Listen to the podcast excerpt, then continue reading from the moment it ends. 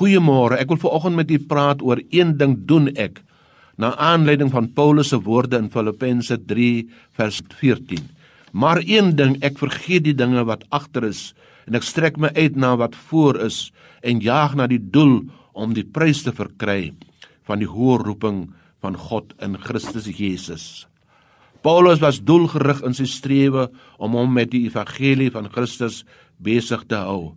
Hy verklaar daarom dat hy een ding wil doen en dit is om elke dag Christus in sy volheid te ken. Hy dink hier hoe hy deur Christus voor die poort van Damaskus gegryp is en hy 'n nuwe skepsel geword het.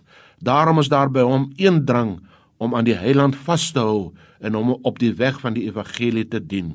Om dit te doen het hy geweet dat daar een ding is wat hy moet wegwerp, dinge wat wat hy behou het. Daarom verklaar hy dat die dinge wat agter is moet hy nou vergeet. Paulus het nie sondes en tekortkominge van die verlede vergeet nie. Hy onthou altyd goed hoe hy Christus en sy gemeente vervolg het.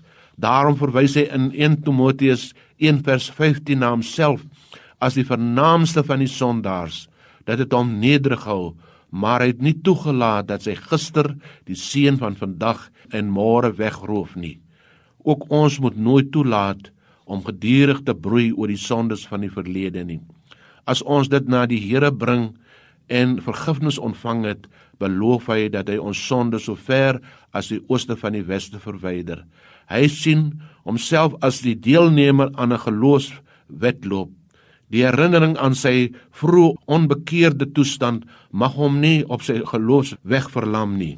So dikwels kan ons nie wegbeweeg van die verkeerdhede van en struikelblokke wat voorheen op ons pad van die verlede was nie.